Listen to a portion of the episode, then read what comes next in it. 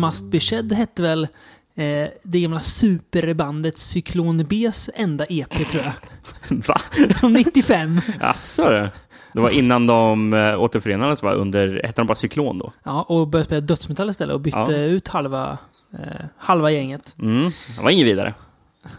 Nej, det var, det var väl aldrig... Jag tror aldrig jag har hört Cyklon B, trots att de var rätt hypade, tror jag. Mm. Eh, för mig känns, känns väldigt mycket som att, att eh, någon har typ läder, eh, läderrock på, på bandfotot. Så det känns ju inte så lockande. Och det är nu lyssnare undrar, va? Cyklon B? Vad, vad, vad, vad helvete ska de prata om idag? Har vi kommit till, eh, till norsk, norska black metal-podden? Ja. Eh, nej, det har ni inte gjort. Inte än i alla fall.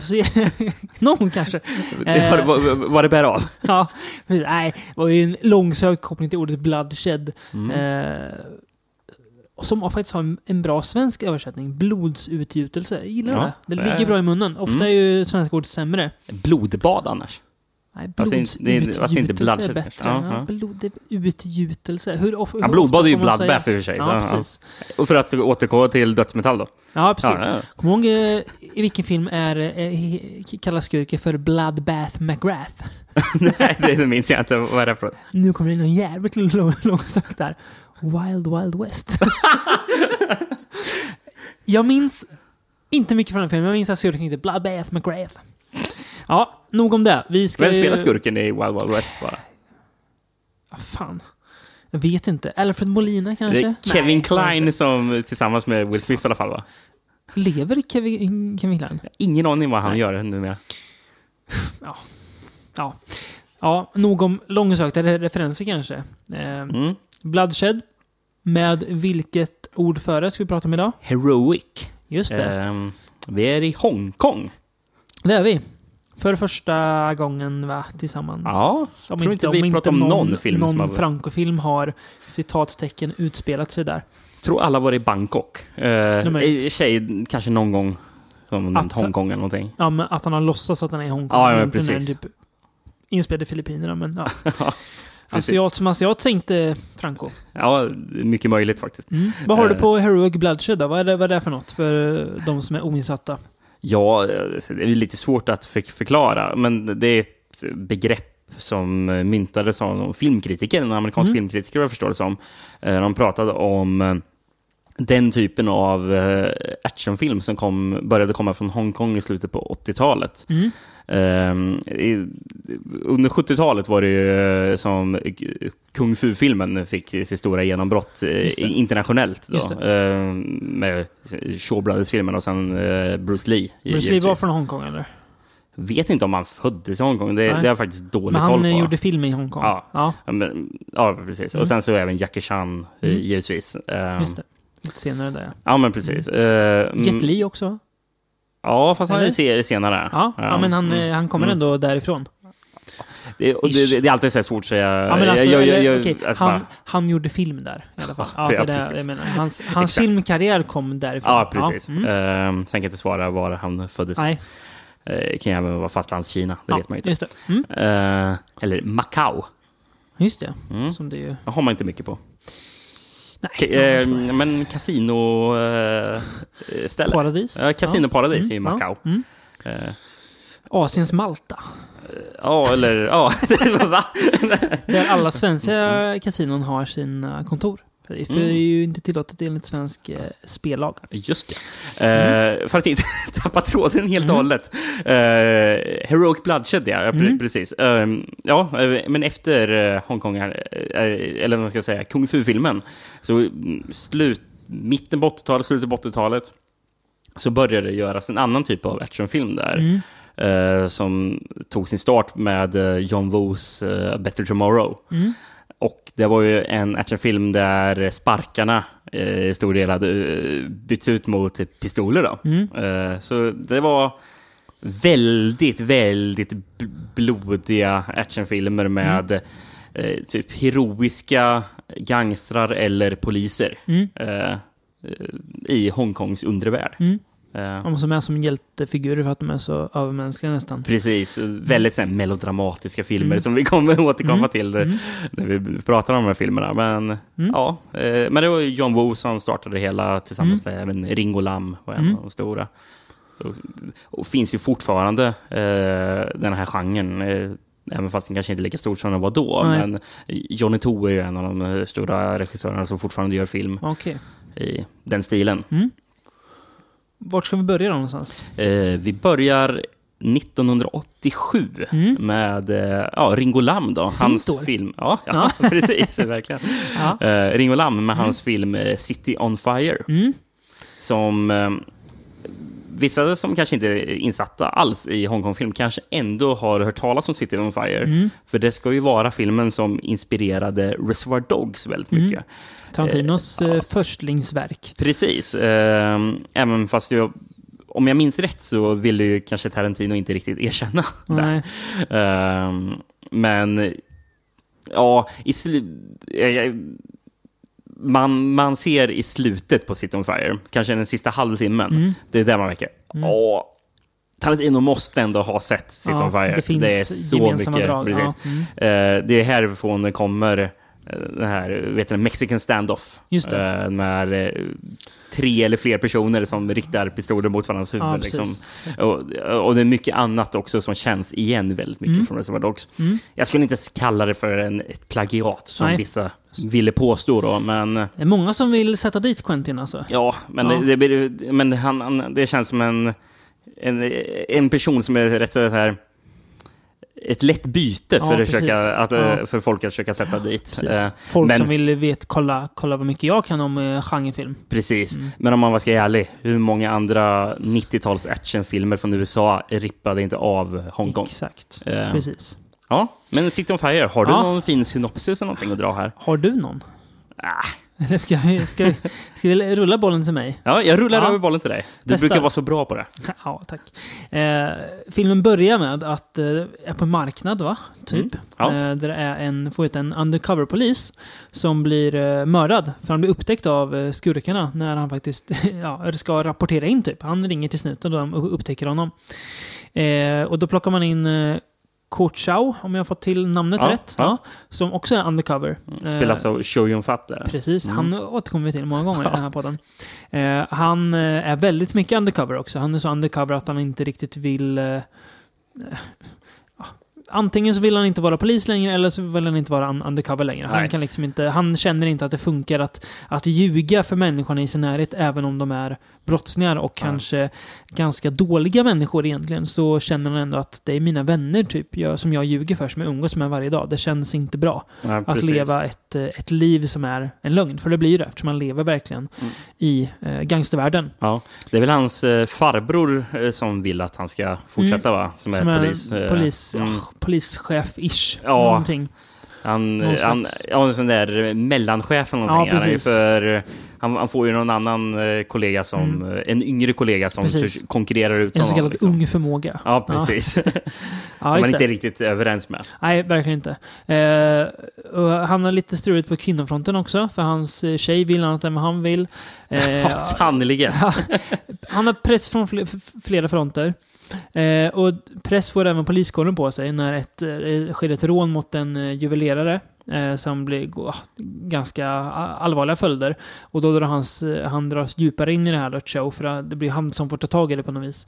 Eh, samtidigt som han faktiskt utreds också internt och får ganska mycket press därifrån också. Så han, är- han är väldigt ansatt från flera håll, för han Ja. måste fortfarande hålla den här fasaden uppe att han är att han är med, eh, the bad guys liksom. Mm. Men medan han ska utreda, eller typ sätta dit dem på något vis. Ja, fast han inte vill alls egentligen. Ehm, ja. ja, men det, Ganska jobbigt läge. Verkligen. Ja. Och den Mm. han ska sätta dit, eh, eh, vet ni, Fu, tror jag han Mm. heter i filmen. Mm. Men spelas av eh, Danny Lee. Mm. Eh, jag för mig att det är de som sen återkommer, bo, bo, både Sean Yun Fat och Danny Lee då, i Mm. eh, John Woos The Killer, som Okej. är hans st- största filmer. Då. Ja. Och då är typ rollerna bytta. Eh, För då tror jag för mig att Danny Lee är polis och okej. Sean Yun Fat är skurk. ja. Um, Mm. Men Sean Yun-Fats karaktär, eh, vad, vad hette han sa du? Eh, Ko Chow, tror jag. Ja. Ja, har jag skrivit i alla fall. Jag skulle säga att om man ska dra liknelsen till Reservoir Dogs så är det Mm. ju det Tim Roths karaktär. Just det, Mr. Eh, Orange. Orange, okej. Ja. ja. jag har för mig att det är han som är undercover-polisen tror jag. Kan man kalla Tim Roth för kriminellt underanvänd? Ja. Det finns något jag gillar med Tim Ja, Roth men han, alltså. han, han är sympatisk. Ja, han är han är väldigt ja, sympatisk. Ja, bra. Eh, Ehm, ja. Sy- Sympatisk är ju också, och det kommer jag säga flera gånger i den här podden, men Mm. Chow Yun-Fat är ju väldigt lätt att gilla verkligen. i det han, är gör. Han har han. en jävla så screen presence alltså. Han är ju... Eh, alltså han är ju väldigt charmig trots att han... Han ser ju inte så här jättespeciell ut. Alltså han Nej. ser lite så här, nästan everyday guy ut. Det är bara att han är så jäkla charmig och han lyser vet inte, igenom skärmen på något vis. Mm. Eh, utan Han- att ta i så mycket ens. Det, det, det, som kanske utmärker någonting är att han har väldigt, lite, all, även när han blivit äldre, eh, fortfarande kanske skulle man nästan säga, han har lite så här, ungdomligt, lite så här, barnaktigt i Mm. ansiktet. Han ser Ja, re- re- rätt här lekfull ut. Mm. Och ett, ett av hans smeknamn eh, blev eh, Babyface Killer. Eh, Mm. eh, Men, men, men, men även särskilt i den här filmen då, han ser, han är ju ung när han spelar eh, den här rollen. Mm. Eh, Det är ju någon scen när han är hemma hos sin mormor och någonting Mm. och eh, de kallar det eh, Little Dog, kallas han hela tiden. För han ser ut som en liten hund gör han. Ja, det är faktiskt sant. Ja, han har något... Ja, men, han, något. men han är jättehärlig. är Han. Mm, ja. Ehm, och. Shun för de som inte är bekanta med Hongkong-film, har ju säkert sett dem i massor med amerikansk film också. Han, Pirates of the Caribbean 3, va? Ja, precis. Där han skurkar. Han, det. Kanske Ehm. inte hans finaste stund. nej, jag, jag tror han fick lite kritik typ för att eh, han framställde eh, folk av asiatiskt ursprung som skurkaktiga. Kan ju varit Gore Verbinskis fel också. Ja, Att, eh, precis. De det. Ja. Ja. Och det är väl inte första gången en asiat framställs som skurk i en amerikansk film. verkligen inte. Och ett, ett av de största internationella genombrotten var ju annars i Crushing Tiger, Hidden Dragon. Just det. 98, 99, 2000? Eh, 99 tror jag. 99, ja, där kring. Jag tror det. Minns Eh, att jag, 99 eh, 2000, typ. Minns att jag såg den när jag var, när jag var ju 11 då. Alltså, jag tänkte att den här kommer vara svincool. Jag tyckte att den var hur tråkig som helst. Mm. Men jag var ju 11, så det är ju inte så konstigt. Det, var ju inte, det är ju inte en film för 11-åringar, för det var ju inte bara sparkar och slag. Nej. Så att, Eh, eh, jag för mig jag såg, att jag aldrig såg hela filmen då när den kom Nej. ut, utan jag såg bara lite av den Mm. och jag fattade inte riktigt Nej, vad, vad, vad, som hände liksom. Men, ehm, Något man borde se om. ja, men, men jag har ju sett om den, Mm. eh, jag tror i alla fall två gånger efter det. Du har väl är skrivit en eh, C-uppsats, B-uppsats, B, tror jag. om uh, Vusha-film, alltså den eh, typ genre som uh, Crouching Tiger tillhör. Jaha. Ja. Jag har för mig att jag skrev om Crouching Tiger, Ja. Hidden Dragon coolt. till och med. Men jag, kan tycker bli, jag, kan bli en det, podd någon gång. Jag tycker det är en otroligt bra film. Ja, kan bli podd någon gång. Inte omöjligt. Nej. Nu kan vi snacka om din B-uppsats lite också. Den kanske ligger lagrad Helst inte. någonstans. Nej, men den, den, den, den tycker jag vi låter falla i glömska. ja, det är kul. Det är kul, det är kul att nämna. Eh, det är ju an, annars ett bevis på vilken enorm kärlek till eh, genrefilm du länge har hyst, Rickard. Ja, det, det, det, kan man i alla fall eh, se, se som ett bevis ett, ett bevis. Ja, ja. Lika mycket bevis som att du sen skrev om eh, japansk snuskfilm till din C-uppsats. Det är ännu bättre! Det gillar jag. Också sjukare. Ja, det är fint det. det är riktigt sjukt. Underbart. Ja. Eh, City on Fire i alla fall. Eh, alltså jag, eh, det är väl egentligen den enda filmen jag inte riktigt fastnade för i den här podden ska sägas. Mm. Eh, lite spoilervarning vad jag tycker om kommande filmen. Det var alltså... Den höjer sig i slutet, sista halvtimmen som du sa var Precis. Reservoir Dogs där. Då tycker jag att den... Då kommer filmen igång. Men eh, jag tycker det är lite för sent för mig.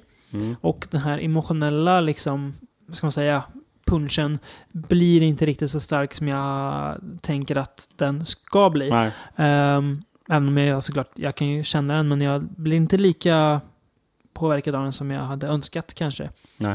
Ehm, Jag skulle nog säga att jag delar egentligen samma kritik som dig mm, mot filmen. Att Mm. eh, det tar rätt så lång tid innan de faktiskt kommer igång. Det, det, det finns Mm. ett par såna scener utströdda un, under Mm. filmens gång också som jag tycker Mm. är bra. Till exempel det bankrånet eh, som händer ja, det är bra. eh, Mm. lite rätt, rätt, rätt, så tidigt i filmen.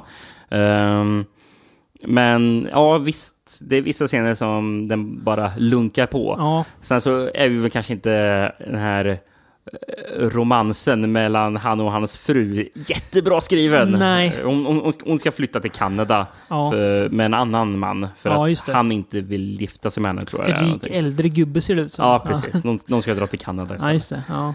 Ehm, ja, eh, jag har svårt att ta den på allvar. ja, den, man har ju det. eh, Lite svårt att engagera sig. mm. Men det är ju fortfarande väldigt välregisserat. Eh, Ja, jag, och jag tycker att... Bra skådisar är det ju. Ja, precis. Och jag tycker att sista halvtimmen är riktigt jäkla Ja, bra. den är bra. Den är det är bara bra. synd att inte den första timmen Hänger med där riktigt. Mm, Nej, precis. Så det blir Men, som att den Ja, sparar... den är värd att se bara för det. Ja, Eh, för absolut. det är imponerande actionfilmer Mm. man, man, man ser då. Liksom. Mm. Och helt plötsligt så börjar jag bry mig om karaktärerna som jag Ja. egentligen inte riktigt brydde mig om innan. Nej, precis. Det kommer där. Oj, bryr jag mig nu? Ja, det jag gör jag. bara, det. "Åh, vad fan, varför, varför såg jag inte det här tidigare? Mm, liksom? precis. Man känner sig nästan eh, ja, men lite som att man har missat någonting, men det kanske Ja, man inte har gjort. ja, eller som att man ramlar in i en annan film helt plötsligt. Mm, precis. Ja. Eh, Jag ber om ursäkt förresten om jag låter. Jag är ganska förkyld. Det är ju jämnt känns som, men lite extra idag. Så jag har typ bitit mig något i tungan, så jag konstig salivsamling i munnen. Så om jag smackar mycket så får väl du klippa bort det. Annars, annars ber jag lyssnarna om ursäkt om, om jag låter för jävligt idag. Det, det, Jag gör mitt bästa. det kommer ta tio timmar för mig att klippa det här avsnittet. Den här, den här podden kommer ut 2020. Då... åh, ja, nej, så jag, ja, jag ber om ursäkt till dig mest då, Rickard. Ja. Eh, ja. Ska vi hoppa ett år framåt, eller? Det gör vi. Mm. Till filmen Tiger on the Beat. Som jag får... Eh, det är fan ofta jag får medge det här i podden, alltså. Att du har eh, tjatat i fel ord, men vi använder det ändå. Eh, på att jag ska se. Och jag har... Jag har väl inte sagt nej rakt ut, men jag har heller inte sagt ja. Nej, Liksom, ah, jag tänkte, så Tveksamt bara. ah, nej, men så Hongkongfilm, det, det, det gillar ju inte jag. Då skulle jag lägga till att du har, du har ju sagt det utan att ha sett en enda film överhuvudtaget från Hongkong. Liksom. Jag bara tänkte att nej, men det, det Vi har faktiskt sett tillsammans, uh, vet du den där Chinese Odyssey? Ja, just det. eh, med Steven Chow. och Bullet in the Head också. Ja, just det. Bullet, och Bullet in the Eh, Head gillade du ju. Jag gillar Så- väldigt mycket. Ja, det, det är konstigt. Det, jag, jag har inget, inget försvar. Nej. Det blev aldrig av, förut förrän nu då. Mm. Ehm, Jag det- tjatade in det här avsnittet. Nej, ja, det var inte så mycket. Nej. Eh, Eh, jag är glad att du fick med den. Mm. Det, var, det var den första filmen jag såg till avsnittet, så det var, satte ju ribban väldigt högt. Jag Ja. tänkte, oj, är det så här bra? Eh, Tiger on the Beat, ja, precis. Eh, Shogun Fat igen. Ja, spelar Francis Lee. Ro- Roligt namn. Ja. Eh, han är Vi, snut. vi, vi kommer ha många ro, roliga namn i Ja, det här. vi. Eh, han är en snut som, eh, ja, Carpe diem är väl ett, eh, ett citat, eller ett ordspråk han skulle kunna tatuera in. Han tar livet lite som det kommer. Mm. Filmen börjar med att han vaknar upp hemma hos någon, någon brud vars man kommer hem, så han måste fly därifrån. Liksom. Ja. Ja, skön jävel. Eh, och han eh, hamnar i bråk också på eh, ett, ett café när han eh, käkar, käkar frukost. Ja, nej, mycket här. En dag i alla fall kommer det in en last kokain till hamnen. Jag tror det är kokain. Eh, eller heroin kanske. Lite Ja, någon drog. Ja, någon, någon tung drog i alla fall. Eh, dolt i, vad då Rickard? Surfingbrädor. Ja. Det är bra. Eh, men den här dealen går inte riktigt som den ska. Eh, Emily skjuten till döds. Eh, och på grund av att Francis beter sig så märkligt så... Eh, för det gör han, han beter sig ganska oortodoxt. Så paras han ihop, ja precis, med Michael som är en ansedd polis istället. Lite kanske, ska man säga, mer helylle och lite torrare Mm. till en början än vad Francis är. Men eh, ja, så de får i uppdrag att nysta den här knarkhärvan eh, och ger sig iväg för att hitta ledtrådar. Eh, nosar rätt på ett vittne ganska fort som har sett det här mordet. Men att få tag på honom, det, det är inte så lätt trots att de vet vem han är. Så det, ja, det blir en knivig väg fram till att lösa det här fallet för dessa två poliser. Var eh, börjar man med den här ja, filmen? Är det världens bästa buddy cop-film kanske? Precis. Eh, Dödligt vapen kan ju slängas i väggen. Liksom. När kom Dödligt vapen? Ehm, Faktiskt ingen 91 aning. kanske? nej, så sen kan det inte vara. 87? Kanske. Samma veva som den här ungefär? Jag har, Ja. jag har faktiskt ingen aning, Nej. men eh, någon gång i 80-talet måste den Ja, sent 80-tal. Eh, ja. Ehm, andra halvan. ja. Jag gissar Ja, absolut. 86. ja, det är möjligt. Det, det, men jag har inget belägg för den Nej, gissningen. inte jag heller. För Nej. mina gissningar. Ja. Eh, ja, Men- vart ska vi börja? Ehm, Francis, eh, Ja. som spelas av Sean Fatt. Ja. Han är, jag har kallat honom älskvärt glidig, har jag kallat honom för Mm, i den här filmen. Han... eh, Ja, men som du sa, filmen rolig. börjar ju med att eh, han har eh, sovit hemma hos eh, en, En, en gift kvinna. en gift kvinna, Mm, precis. precis. Eh, och sen så kommer maken hem där på morgonen och eh, du... Eh, filmen börjar ju med någon slags eh, komediscen där Japp. som är Japp. supermärklig egentligen. Och, Ja. Men sätter tonen för hela, vad hela filmen kommer vara. Ja, det gör den då. Det är, och det sätter ju tonen för om man är om man inte är bekant med humor i eh, Hongkong-film. eh, så Får man bekanta sig med direkt här. omedelbart, Mm, ja, och eh, kanske de 20 första minuterna av filmen är Ja, hela- väldigt mycket. Hela frukostscenen och allt som händer där Ja, är också ja, precis. väldigt roligt. Men Eh, det, jag, jag tycker att eh, det var väl lite det jag var rädd för tror jag, när du liksom har pitchat Hongkong-film. Att de är roliga. Jag tänker, "Ja, men så jävla kul kan det inte vara. Jag kommer, jag kommer inte fatta humorn. Det, det, det kommer flyga över hu- huvudet på mig. Men den funkar ju väldigt bra. Den är ju... den är så jäkla konstig. Ja, men ändå Men liksom lätt bra- att ta till sig. Alltså det, man kanske inte förstår den, men man förstår att det är kul i alla fall. Ja, ja man precis. förstår humorn. Det, det är ju inte som att man ser typ eh, Hongkong-buskis liksom, som man Nej. inte förstår något av. Utan det är Nej. ändå ganska, ska man säga, internationellt gångbar humor. Mm, ja. Ehm, och mycket bygger på kemin mellan de två. Mm, ja. Vem spelar eh, Michael? Eh, Conan Lee heter namn. skådespelaren. Helvete vilket bra namn! Eh, eh, Conan Lee. Jag tror han var... Oj, oj. Ja. Eh, Han, han, föd, han föddes faktiskt... eh, Eller han föddes i Hongkong, men Mm. flyttade väldigt, eh, eh, som, som väldigt ung till Queens faktiskt. Så Mhm. han, han Mm. upp, uppväxt i New York. Ja. Började faktiskt sin karriär, eh, karriär genom att göra film i USA. Okej. Så ja. han jobbar mycket som stuntman tror jag. Och, och även typ som ja, den här asiatiska kung fu-experten i Såklart. amerikanska filmer. Ja. Ehm, men han hette faktiskt Lloyd Hutchinson. Dunderpseudonym alltså. Ja, ja. Nej, men det, jag tror det var hans namn. Uh, Jaha, han hette så precis. alltså? Då, då, Var han hette född som det eller? Ja, jag, jag, Jaha. jag, tror det i alla fall.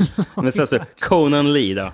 Ja. Oh, också bra. Ja, men Ja. det, det är väldigt mycket Jackie Chan över Conan Lee tycker jag. Mm. Faktiskt. Eh, och han, han är väl kanske en av de, de som mest, gör mest imponerande stunts i den här filmen. Ja, verkligen. Helt sjuka grejer Hoppar han och gör. slänger sig väldigt mycket Ja. och slåss ju mycket också. Alltså, där man ser att det är han som gör grejerna Ja, också. precis. Det är, ju- det är rätt så långa tagningar. Är det. Ja.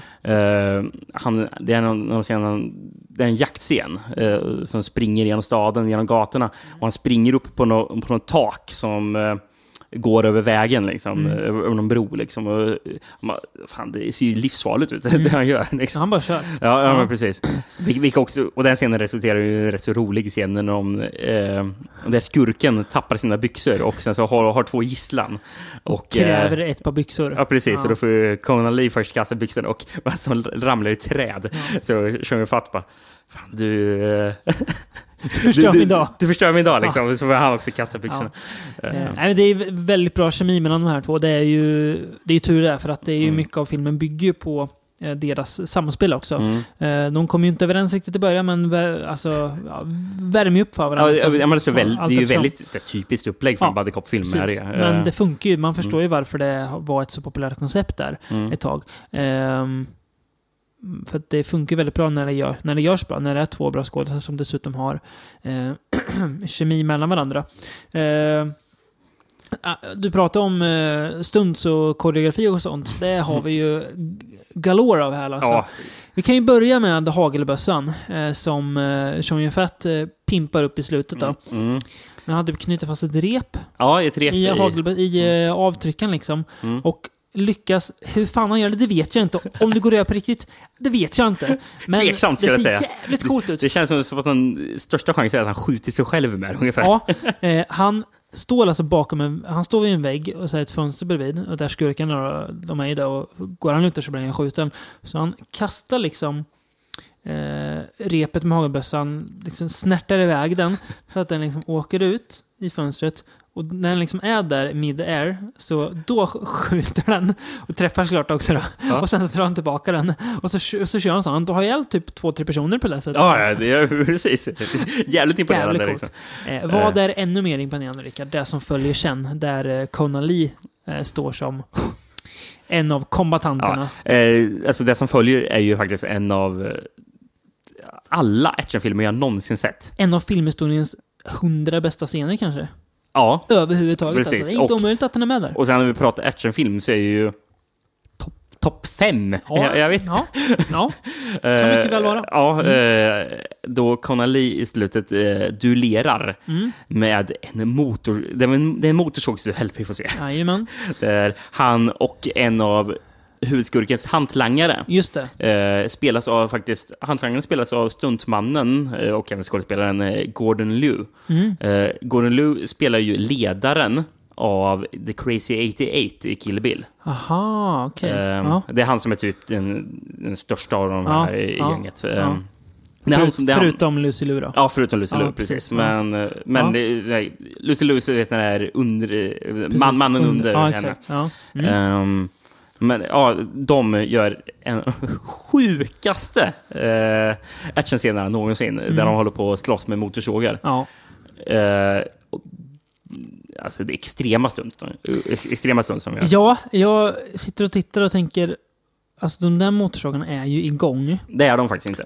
Är de inte det? Nej. Det ser Eh, ut som det. Ja, eh, för det ryker ju om de... Ja, precis. Och, och, och, och slå gnistor och grejer. Ja, gnistor vet jag faktiskt inte hur de lyckades åstadkomma. Eh, det vet jag inte. Nej. Men att det ryker om den, Ja. det, de hade rökelse på Jaha. motorsågarna så att det skulle se ut som att, då. att de rykte. då. Men Eh. det ser ut som att de är igång. Ja, Och det ser helt det. sjukt ut. Men, men, Ja. alltså, men även om vi, om vi räknar bort att de inte är ja, igång, sant. Vad de gör, alltså, alltså koreografin är ju. Ja. helt vansinnig. Ja, eh, ja, de- Kasta sig med, med stegar, det är Ja, precis. sen byggnadsställningar som rasar samman eh, och skådespelare. Ja. Vad gör de? Ja, precis. Det är, den är riktigt, riktigt bra. Mm. Det är faktiskt...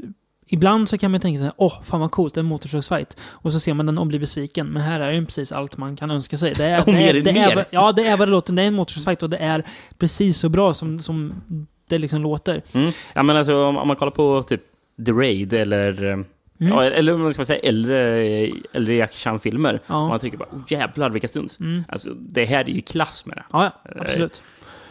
Så det, ja, nej, det är bra tempo hela tiden. Det är ju Mm. fullt ös, väldigt bra humor, jättebra koreografi. Väldigt liksom, enkel film så. Det är Mm. inga, kompli in, ingen komplicerad handling att hänga med i. Eh, blir det ingen liksom, kulturkrock så, som det ibland kan bli när man ser filmer från, vad ska man säga, icke...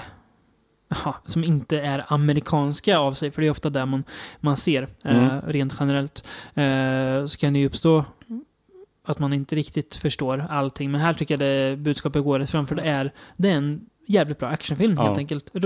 Punkt slut liksom. Eh, jag måste bara nämna en till grej om, om humorn i filmen. Mm, det får det så, du nämnde bara lite kort att det är en frukostscen. Eh, Och den Mm. är så jä jäkla rolig. är Den. Eh, Det är efter som vi fattar blivit ertappad Ja. eh, av det gifta paret. Yes. Då ska ju han gå och äta frukost ute på, på, på någon litet hak. Ja. Ehm, Ser mysigt ut. Ja, men precis. Och han, och han köper en liten... Han köper en tallrik med mat. Och sen så har han även en stor kartong med ägg som han ställer upp på bordet. Och sen så tar han ett jättestort glas där han knäcker typ hälften av äggen i den här kartongen. Och det är en annat par som sitter och bara glor. Vad är det han gör för någonting? Och sen ser man i, och det är taget en enda, en, en enda tagning, då han dricker upp hela det här glaset med ägg. Och sen så vet ni det, så eh, har han ett glas med vad som ser ut att vara typ chokladmjölk eller någonting, som han också häller i sig. Och sen får han en jätteenorm hicka. Det är typ det som Ja, är det. payoffen där. Liksom. Att den inte kräks där, alltså det är Ja, fan riktigt fascinerande. sjukt är det. Eh, Ja. Men, men, men in, jag vet inte om det är innan eller efter han eh, druckit det där. Så, så för, förklarar han för, för det här paret som tittar på honom bara Ja, det här är ett träningsknep jag lärde mig från... Säger, han, han säger att... eh, Det, det, för det kommer långt tillbaka. För det var Bruce Lee som lärde Jackie Chan det. Och sen så lärde Jackie Chan det till Alan Delon. Och sen lärde Alan Delon det till Sylvester Stallone som ja, dricker ägg i Rambo. Nej, i, um, Rocky. Rocky, ja, I Rocky då givetvis. Ja. Och sen lärde Stallone det till någon mer som sen lärde det till Shogun Fats karaktär. Six degrees of, eh, of eh, separation. ja, till, ja, eh, precis. till Bruce Lee. Ja, nej, det, ja, nej men... extremt sevärd. Väldigt bra film om man Mm. vill liksom är lite nyfiken på vad det här är vi pratar om också. Är det något för mig? Ja, se den här så vet ni liksom om det är något, Ja, eh, något för er eller inte. precis. Ja, En väldigt bra in introduktion, ja. ja precis. precis. Eh, Eh, jag måste ju för, vi måste ju bara slänga in förresten lite av musiken på filmen. Det är ett jättecoolt soundtrack här. Mm.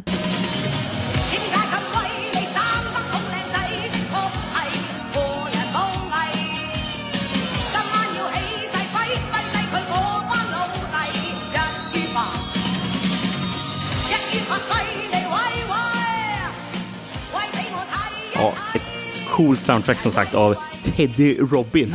Det heter. Eller Teddy Robin Kwan. ja, okej. Ja, eh, Bra namn, Ja, återigen.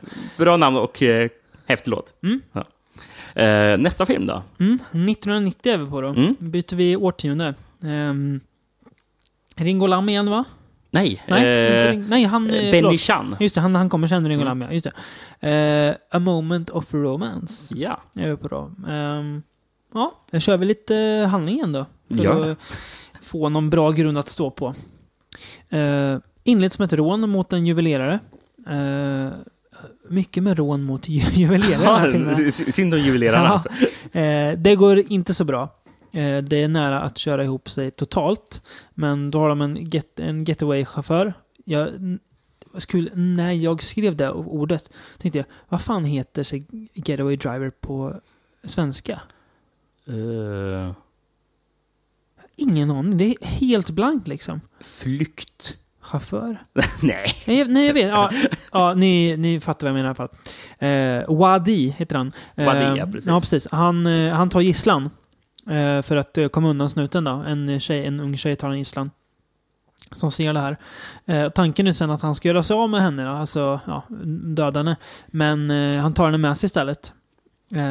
Efter att han har han ska döda dem, de, han träff, återförenas med sina rånarkompisar. Då ska han döda henne egentligen, men han tar, han tar hem henne istället.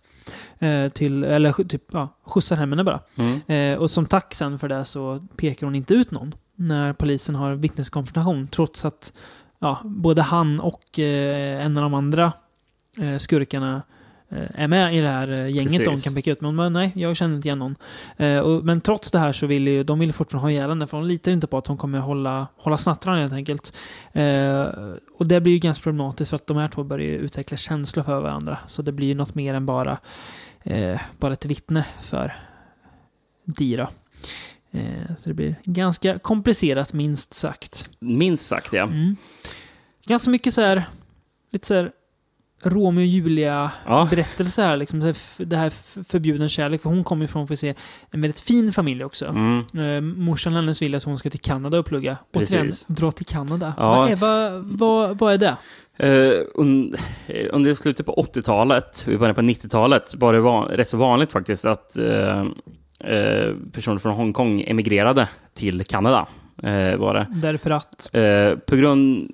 En stor del jag förs- förstått att det, att det var oron för 1997, eh, då Hongkong skulle gå tillbaka till Kina. Just det. Mm. Eh, och det var ju ett årtal som var eh, länge känt, att liksom det är det Ja. året som eh, Hongkong kommer gå tillbaka. Och folk var, oroliga, tror jag, över vad, vad som skulle hända med landet efter Okej. att gå tillbaka Mm. i Kinas händer. Mm. Minns jag att, det här är sjukt minne, att ja, den nyheten såg jag, alltså när eh, Hongkong hade blivit kinesiskt igen, eh, i min farmor och farfars, farfars stuga. jag vet som, en sommarkväll. Sjukt att jag minns det. Ja. Ja, det är märkligt. Det så? Ja, nej men precis. Att hon är ju, det är ju, de är ju från två väldigt olika bakgrunder. Han bor ju med sina mostrar, eh, för hans morsa är död. Mm. Verkar ha varit ganska troubled. eh, Ja, precis. Och man vet ju inte vem hans pappa är heller. Nej, precis. Hintas väl om att hon kanske var prostituerad då, eller Ja. någonting. Och dragade mycket. Hon tog livet av sig när han var väldigt liten. Så han har liksom bott med sina mostrar eh, och sin eh, jävligt sköna morfar också. Ja, ja just Som, eh, som han hänger hos. Så det, ja. Alltså, Alltså, alltså, morfarn är väl när de besöker honom i Macau. Ja, just det där eh, ja. är Just ju- det, han bor ju inte... Och återkommer han till Macau. Macau ja, ja, precis. Ja. Eh, precis. Eh, sen har han ju också, är det hans morbror? Ja, Jag vet inte vad han är, men Nej. han är ju någon märklig vän eh, Ja. som heter Rambo. Som jobbar med att, alltså han verkar typ lägga i mynt i parkeringsautomater åt skurkarnas bilar så att de inte ska få p-böter och typ tvättra dem och sådär. Ja, men precis. Oklart jobb har han. Ja, men det, jag, jag, jag, jag tror det är också lite så här att när folk har parkerat på gatan Mm. så har han tvättat bilen när de har varit borta. Sen så, när de kommer tillbaka så säger han till dem bara “Titta, jag tvättar din just det. bil”. Liksom. Försöka för få ihop någonting. Ja, liksom. Eh, det, för det var någon som man hade lagt typ tidningar över för att Just bara. “Åh, men de höll på att jo jobba här så jag skyddade din bil från att det skulle bli dammig”. Ja, typ, här, bara fuck off. Typ. Extremt sympatisk karaktär. Ja, eh, spelas av eh, skådespelaren och eh, det är svårt att uttala namnet, men Ng Mangtat. Mm. Eh, NG, alltså hans namn där. Liksom. Ja. Det är skitsvårt att uttala. Eh, en skådespelare som jobbade väldigt mycket med Steven Chow. Jaha, så, så, han, Ja. så han, så han eh, typ med de flesta av Steven Chow-filmerna, av vad jag minns i alla fall. Mm. Ja. Han är med i Kön och socker, vet jag. Ja, just det. Ehm, så, och han spelar ju eh, slags eh, den roliga killen i den här Comic filmen. relief, ja. Får Ja, man honom precis. för. Comic Absolut. relief, Ja, precis. verkligen. Eh, Men också sympatisk ja, jättesympatisk, Ganska ja. väldigt loser-aktig, men ändå Mm. väldigt, väldigt eh, älskvärd. Precis, eh, men han, han var ju en av dem som tillsammans med Steven Chow eh, typ myntade, eller man ska säga, ett begrepp som heter uh, Molei Tau. Okej. eh, som är för en typ av slapstick-humor. Ja, Som, som eh, är väldigt typisk Hongkong. Liksom, okej. och fick ett stort eh, grepp i Hongkong under 90-talet. vad jag Ja, som. Och, och det är rätt så sån här, typ nonsenshumor. Ja, Att, eh, ofta att de typ använder språket till att säga meningar som typ makes no sense då. Jaha, okej. Eh, och, och, det, och det märker man om man ser Ja. Steven Chow-filmer. Bara, Jag vet inte vad de babblar om, Nej. men det är kul. Liksom. Ja, ja, det- och, ja. och, och det är liksom det är man tagit eh, använder sig lite av i den här filmen Ja, också. han. Han, är Absolut. Mm. supermärklig, men charmig. Ja. Eh, Annars är det en ganska, ska man säga, eh, som du sa, melodramatisk film. Det är ju mycket, väldigt mycket fokus på deras kärlekshistoria. Eh, och jag, jag kä- jag kände det någon gång i filmen att jag skulle kunna se en film som bara handlade om det. Ja. Alltså en, liksom en, ett romantiskt drama som bara handlar om deras kärlek. Precis. Man skulle kunna ta bort alla actionscener och sådär Mm. och det skulle fortfarande vara en bra film. Precis. Den är ju väldigt stark den här filmen, tycker Ja. jag den är. Eh, eh, jag, jag har ju sett den för flera år sedan, Mm. eh, men nu när jag såg om den så insåg jag bara det är en, flera grejer i den här filmen som får mig att tänka på Drive. Ja, jag har, Eh. jag har skri- skrivit upp det att du, du smsade mig igår Mm. när vi båda kollade på den. Mm. eh, att eh, påminner inte Andy Lau där väldigt mycket om Driver? Och direkt när du sa det bara Jo, fan det gör han ju. Det är jag, väldigt liksom mycket. Inte, jag hade inte tänkt på det själv innan, men då slår det mig, ja det gör det. Och liksom som du säger, hela eh, berättelsen kring. Mm. Jag vet inte när Drive kom boken. Den Ingen kom, den, aning. tror den kom i slutet av 90-talet. Mm, den är, ja. Så den är efter den här i alla fall. Mm. Så han har säkert, säkert läst den, Ja, eh, författaren. ehm, ja, nej men... eh, Nej, men det, det är väldigt många likheter. Det här att han är... Han är inte lika tyst som Nej, nej, det Ryan. Gosling. Han är inte lika snygg som Ryan Gosling. Men han är lika cool som Ryan Gosling, Mm. även om han inte är lika, cool jacka som Ryan Gosling har. Eh, så han Fast, cool. ehm, ska man säga, i, inom Hongkong så kan man säga att An- Andy Lau som spelar Wadi då, eh, Ja. var även en av de största stjärnorna. Liksom. Ja, och, eh, han såg sig nog som Och en, en av de snyggaste Okej, också. Liksom. okej, han, var ju... han Han är var ju snygg. ja, jag tycker han är så stilig. Ja, han är det är så. faktiskt, är eh, han faktiskt. Eh, Andy Lau. Ja, och väldigt charmig. fortsätter vara det. Han är Ja. faktiskt fortfarande rätt så stilig, Andy Ja. Eh, eh, kallades ju... eh, Ett av hans smeknamn efter den här filmen är faktiskt Wadi. Är det. Okej. eh, ja. Han blir så, så f- typ förknippad med rollen, eller? Ja, Ja. precis. Ja.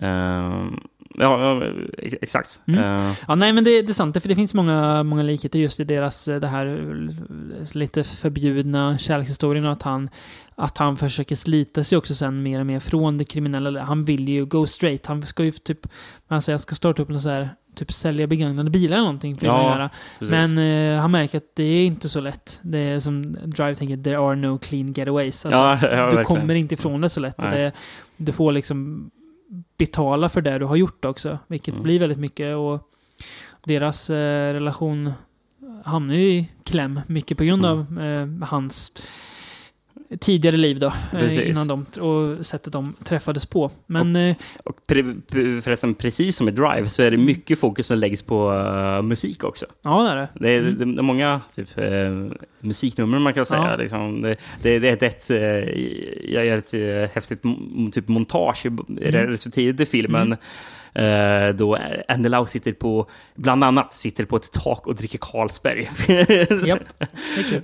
ja, men, det- men, men, men, det- Alltså, det, det är också jävligt effektivt hur de scenerna Mm. Ja. an, används tillsammans med musiken. det. För det, den är, det, det är så stark film tycker Ja, jag faktiskt. det. Är. Mm, det är ofta det. Um, och må- många av de här låtarna, till exempel den här låten då när han sitter på taket, Mm. eh, eh, gjorda av bandet Beyond, eh, som eh, var jag har förstått det nästan som det största rockbandet i Hongkongs historia. Eh, skitstora. Oj, ja.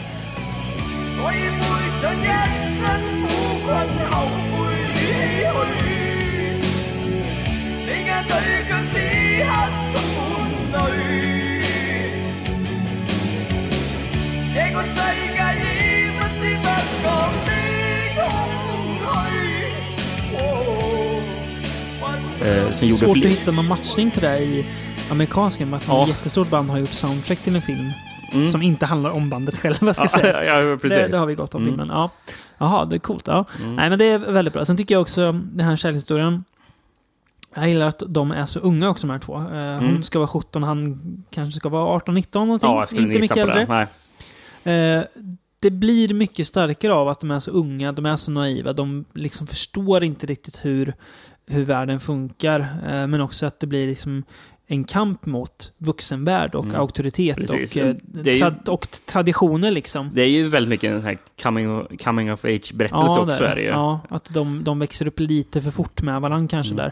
där. Eh, Jag tycker ju att båda de är ju väldigt bra. Ja, Uh, Vucien Lien heter hon som Ja.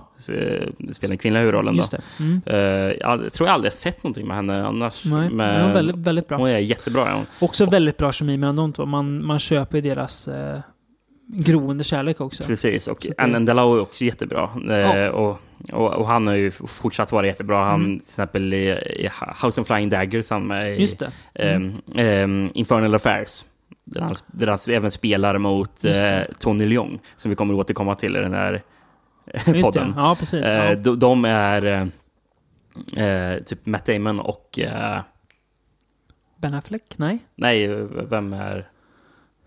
Ja, Leonardo DiCaprio. Just ja. Det, det, det är de, det är de Ja. två karaktärerna eh, Just som det. de spelar. Ja, ja. Och sen så är även Anthony Wong som också kommer återkomma till, är också med i det. filmen. Som jag tror är Jack Nicholsons karaktär om jag Ja. eh, minns rätt. Eh. ja, just det. Han spelar hans... Eh, typ... Ja, just, nej, just, han, han kan komma känna det. Ja, mm. Mm. Ja, nej men det är väl, väldigt, fi, vä- väldigt fin film. Det är ju kul när de är på något... När han typ tar ut henne första gången så är de på någon sån här lastbilsrace Ja, eller någonting. ja. Jävligt märkligt. Det är någon slags så här race med lastbilar de åker. Eh, men nej, det är väldigt fint. Det den har väldigt mycket hjärta, väldigt fint och ja, faktiskt melankoliskt slut också. Mm, som jag tycker mm. ramar in mycket av vad filmen eh, liksom lyckas med. Att den egentligen känns som att den kämpar mot någonting. Mm. Eh, så att liksom det här hela, hela eh, ja, men att kärleken ska övervinna allt på något vis är mycket, men det är inte så lätt kanske alltid. Nej. Hur är det med uppföljarna? Har du någon koll eller? Ehm, jag- vad, vad jag förstått det som har uppfölj, ingen av de två uppföljarna som kom någonting med eh, första filmen att göra. Har de med varandra att göra? Eh, nej, inte Nej, det heller. okej. Eh, men andra filmen, vad jag läst på beskrivningen så är det så mycket en rip-off på första. Det var Jaha. typ samma handling, vad jag Okej. läste i den korta synopsisen Ja. jag läste. Men Wuchin Lin återkommer Ja. i den, har jag för mig. Att hon Okej. även spelar uh, Ja. huvudskådespelerskan. Ben Chan har gjort den va? Ja, tror jag. Tror jag. Ja, precis. Ja, Eh, och sen så är Aaron Kwok som spelar huvudrollen. Uh, den manliga huvudrollen då. Ja. Som var en av typ fyra eller fem, eh, de, jag, vet inte, jag minns inte, men de kallas typ the Five Tigers eller någonting, Aha. av, eh, av typ de sån här up and coming eh, popstjärnor i, eh, i, i Hongkong. Eh, och det här genren som kallas kantopop. Liksom. En, en Ja. väldigt typisk kantonesisk eh, pop. Ja, just det. De, Säger liksom. de, de pratar kanadensiska, inte mandarin. Nej, Ja, precis. just I. Hongkong Det- pratar man ja, kantonesiska okej. som är huvudmål. Ehm, Ehm, men, och tillsammans med Aaron Kwok som var, som var en av de här, så var Ja. det en, även Andy Lau, för Andy Lau var ju en väldigt stor popstjärna också. Ja, just det. Mm. Ehm, Jag såg att jag gick in på IMDB, Andy Lau is a, is a famous actor and singer-songwriter. ja, precis. Ja, eh, han återkom i trean såg jag, Andy Lau. Precis. Och. Wu Lin, så hon är med Jaha, alla tre. okej. Så, men där spelar de mot varandra igen. Ja. Men vad jag fast fattade som, så är det typ en kärlekshistoria som utspelar sig under andra världskriget. ja, det verkar vara det. Han är Eh, typ fighter pilot såg jag när ja. jag kollade lite snabbt. så. Jag nyfiken. Det är väl mer att det kanske har någonting att göra, se. Mm, göra någonting med varandra i tema kanske bara. Ja, precis. Att det, är, Mm. ja, det här lite förbjudna kärleken kanske, eller svåra kärleken. Ja, nej, jag blir faktiskt eh, mer tagen än jag trodde av den. Eh, varför jag nu inte skulle bli det. Men jag hade väl tänkt att det, allt, ska, allt kommer vara lite som Tiger on the Beat, tänkte Mm. jag. Eh, men eh, ja, väl, väldigt fin, eh, tycker jag. Värt förresten att notera är att Engman Tat eh, vann ju den, här mo- motsvarighet, den Hongkong-motsvarigheten till Oscar för Jaha. bästa supporting actor. Oj, för den här filmen För den här alltså. filmen, ja. Ja, vad fint. Det säger någonting också. Mm. Ja, så det är ja, en stark upplevelse. Väldigt, på Mer faktiskt. än bara sätt. Ehm, ska vi bjuda på lite den fina avslutningslåten i den här filmen kanske och eh, låta lyssnarna njuta lite av den medan vi tar en liten andepaus? Låter helt bra.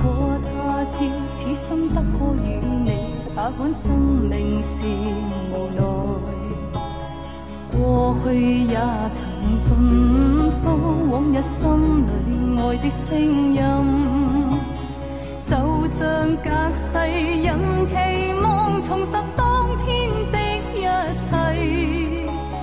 此世短暂，转身步过消失了的空间。 Sådär då Rickard. Mm. Nu är det lite Ringolam igen. Nu är det lite Ringo Lam igen, Jaha, precis. Eh, 1992 Stämmer bra. är vi på nu och filmen vi ska prata om heter Full Contact. Mm.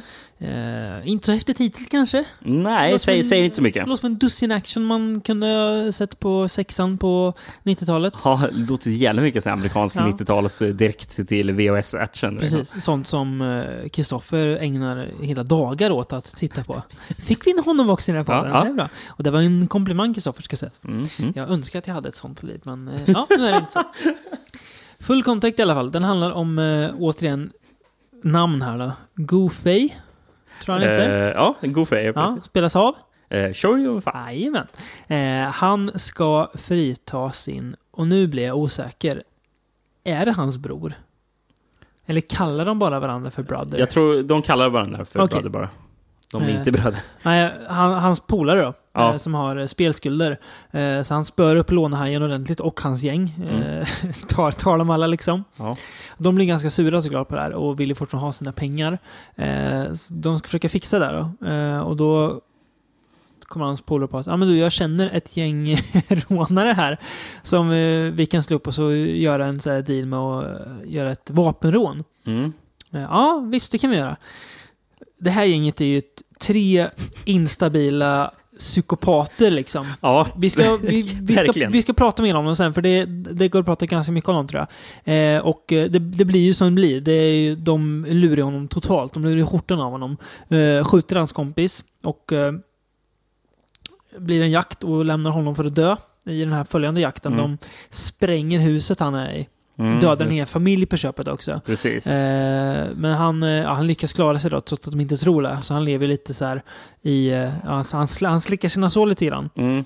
Eh, och, och då kan det nämnas att eh, det, det är en person som hjälper till att typ röja undan och, och Mm. få det se ut som att Sean Mm. Karaktärer har dött. Eh, och jag tror att han är kusin till den här gängledaren. Ja, precis. Och, och, och, och, han, och, han, och han är där som typ låtsas döda Sean Fats spelas ju Mm. av Anthony Wong. Ja, precis. Det är han som har, hans, hans, eh, som har eh, spelskulder. Då. Ja, ja, Mm, precis. Mm. Eh, så han slickar sina sår och eh, planerar en gruvlig hämnd Mm. på alla de som har svikit honom. Helt Ja. enkelt. Ja, de här skurkarna, vi kan ju ta dem direkt. eh, ska vi börja med Muskelberget kanske? Muskelberget, ja. Mm. Eh, Ehm, han är alltså rippad så... Hans armar i alla fall. Han har gjort sina bicepstimmar på gymmet, har han gjort. det har han verkligen. Sjuka armar har han. Eh, och Och är att- någon slags typ eh, asiatisk eh, bikerpunkare typ. Ja, är han. Eh, Han är, Biker med tuppkam är han typ. Och har världens största automatvapen som han, ja, han. En gillar att skjuta med. jävla bössa. Tänk, googla omslaget på Strike Commando så får ni liksom en bild av vilken, vilken typ bössa han har. Den är gigantisk är den. Ja. Eh, han är väldigt, väldigt, väldigt korkad också såklart. Det passar till hans karaktär. Eh, han är ihop typ med bruden i det här gänget. Mm. Hon är om möjligt ännu galnare. Hon är nymfoman så det sjunger om. Hon vill Jaha. ligga med allt som eh, har eh, en kuk liksom. Ja. Eh, Och skjuta allt samtidigt också. Ja, hon vill skjuta allt.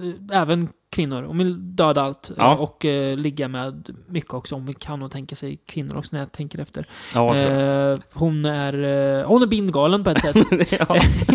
och inte att det är något fel att vilja ligga mycket, men eh, ser man filmen så förstår man vad jag menar. Hon är, hon är totalt bin- bindgalen. Ja. Hon är verkligen definitionen av psykopat. Att, jaha, dödade jag någon? Ah, Mm. Gör väl inget liksom. Det är, det är, skit, det är skitsamma.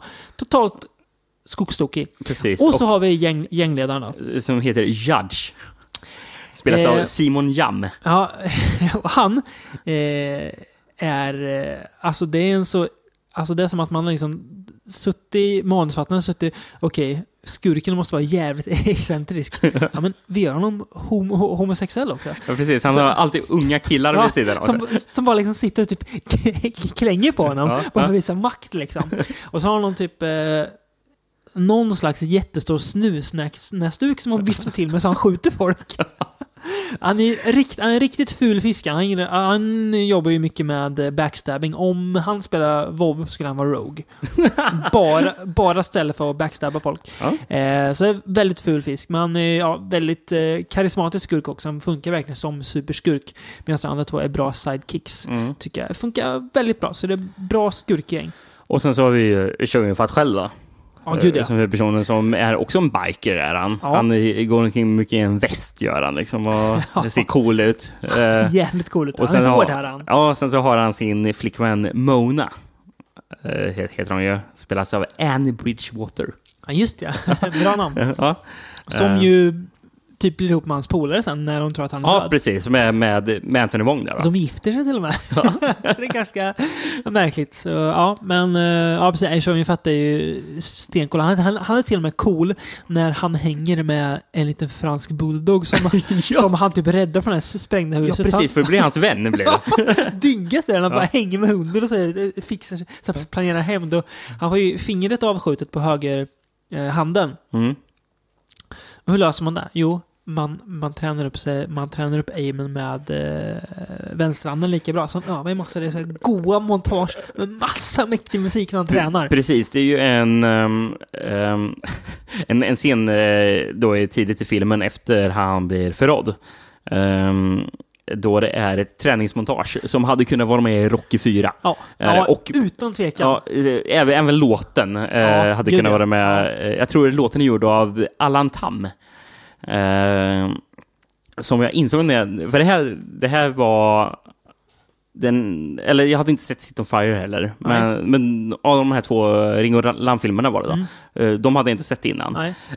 Och sen när jag såg filmen bara, varför känner jag igen den här låten?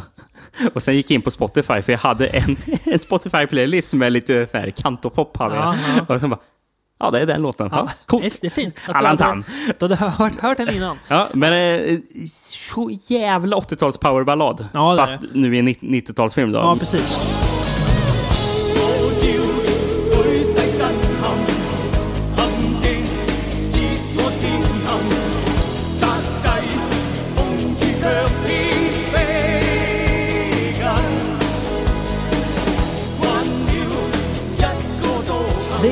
Träningsmontage då, vet ni, då Dels så har han den där franska bulldoggen som du nämnde. Ja. Sen så vet ni, tar han hand om en brännskadad tjej som blev skadad i den här explosionen. Ja. Och samtidigt så tränar han upp sitt finger och det här Jajamän. bara tränar för att bli den här hämndlystne mördaren. Det gör han. Ja, det, är- det, det är coolt. Det, är. det är väldigt, väldigt kul att det är 80-tals Powell och det är ju just det här, den är gjord 92, det märks Mm. ju för det är ju precis den här precis skärpunkten när 80-tal blir 90-tal. Det är verkligen där vi är och nosar alltså, för det är ju inte lika mycket powerballad som det hade kunnat vara om filmen varit gjort 89. Alltså, men det är ändå nog mycket för att man ser att 80-talet dröjer sig kvar. Mm. Men det är, lite, det är liksom riktiga metal-låtar. Alltså, dist, alltså distade gitarrer och eh, du nämnde att Public Enemy kanske var med. Ja, jag tror de är Ja. med i soundtracket också. Ja. Ja. Eh, så det är, man, Eh, här, man, Ring- man Ringo Lam, märker jag på förstår- musiken att det är 92. tycker Precis, och Ringo Lam var ju så väldigt, in, väldigt influerad av amerikansk action, eh, och, eller amerikansk kultur överhuvudtaget. Mm. Så jag förstår det som att han egentligen inte ville ha värst mycket med sån här kantopop och sånt som an, annan Hongkong-film använde sig av. Så därför vill han ha mycket amerikansk musik och så. Mm. Eh, ja, och den känns ju jävligt så här dum amerikansk gör den här Ja, filmen. Eh, Men, han- men han gör någonting helt galet av den. Om man, om man tyckte att City on Fire var återhållsam. Ja, Den här filmen är fan inte återhållsam. Nej, den är verkligen sjuk är den. nästan överdriven, men det är Mm. väldigt kul. Eh, det är väldigt bra slagsmålsscener såklart igen. Mm. Eh, jävligt snygga också pistolscener när de Tänker du på duellen i Ja, den där nattklubben? ja, eller? när man ser kulorna. Och först när jag såg kulorna tänkte jag Jävlar vilken fu- ful effekt. För det är ju inte snygg effekt egentligen. Nej, eh, Men- det, det var alltså vi ser att de skjuter ett skott och sen får man följa kulan i slow motion. En, Exakt. en CGI-kula Ja, som man följer. Liksom. Men när, så fort andra skottet går av, då, då tycker jag att det är coolt Ja, istället. precis. Trots att det är en lite sådär... och det är inte bara liksom två gånger det händer, utan det är tre, fyra, fem gånger man får se ja, kulan det är i slow motion. svincoolt är det. Ja. Eh, och sen är det alltså slutduellen de har sen. Eh, alltså det är... Fan golvall alltså så coolt där. Det är, det är bara, det är bara liksom testosteron på något vis som bara pumpar i en och bara det här är så jävla bra alltså. Då kör de för att dräper av en av de mest odödliga replikerna någonsin till eh, Simon Jams eh, skurk då. När han skriker “Then go masturbate in hell”. Ja, det, det, är- det, är, det är så jävla kul. I den här, i den här duellen de har i slutet så säger Simon Jam till honom då att jag är, så, jag är så ledsen för att vi aldrig kommer kunna spendera en natt tillsammans. Det är liksom hans mellan bara, ja, och jag, jag är ledsen att inte jag kommer få döda dig. Det är väldigt så här, ja, väldigt så här hat, hat från ena hållet och typ någon slags så här, kåthetshat från andra hållet. Men det nu, det blir ju aldrig homofobiskt. För det, han är aldrig överdrivet bög heller. Utan Nej, det är nej, liksom, det är det han är, inte. det han är bög. och Det är, han är lite, lite, lite flamboyant, men inte, inte jättemycket. Så det, är- det, det är en grej som ger ett mer djup till hans karaktär på något vis. Mm. Att han, eh, samtidigt som han vill döda Sean Fett så vill han också älska med honom. Han vill, han, han, han, vill ha honom och Det eh, verkligt döda honom. det. Ja, precis. Ja. Men det blir, eh, det blir en ganska snygg effekt till slut. För det blir liksom som att det betyder mer för honom än Mm. att bara skjuta honom. Det är Ja. därför också inte, han inte bara skjuter honom rakt av, utan det blir en lång fight-scene istället. Precis. Eh, Trots att filmen är rätt så korkad ja, bitvis. Eh, Så man känner ändå för karaktärerna tycker Ja. jag.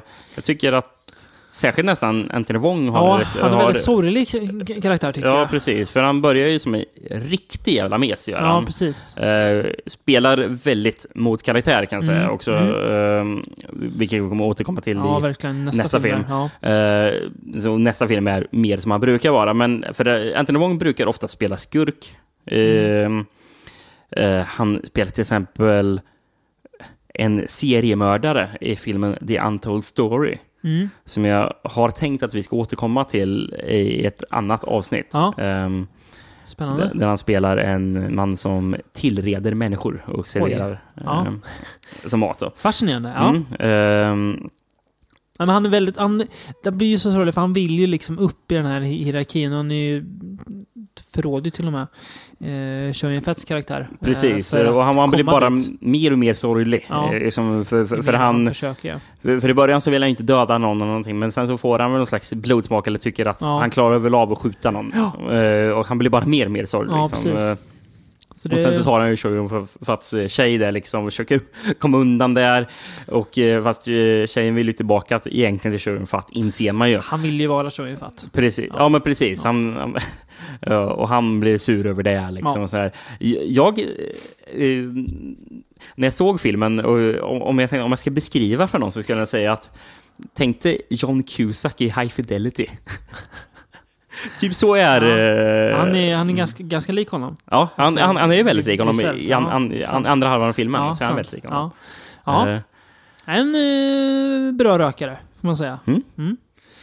Vet du vem som är duktig på, att göra bra Jag rökare? säga... Eller har du något mer att säga? Ja, jag har bara en, en grej. Ja. Eh, ehm, efter den här filmen, Ja. eh, jag tror efter den här filmen så drog ju Ringo Lam till eh, USA. Han kanske gjorde några mer filmer i Ja, Hongkong, men sen så okej. drog han till USA, eh, likt eh, även John Woo gjorde Ja, den här tiden.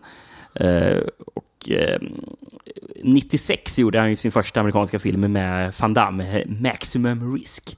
Oj, har du sett den? Nej, det blev en riktig flopp, har jag förstått det också som. Men han eh, höll sig kvar ett tag till, sen så drog han tillbaka till Hongkong. Okej. Och slicka sina som varandra. Ja, precis. Ja. Men det var ju rätt så vanligt att um, Hongkong-regissörer någon gång i alla fall drog till USA Mm. försökte prova på. Finna lyckan där ett tag istället. Ja. Mm. Apropå just Kanada och vet ni att Ja.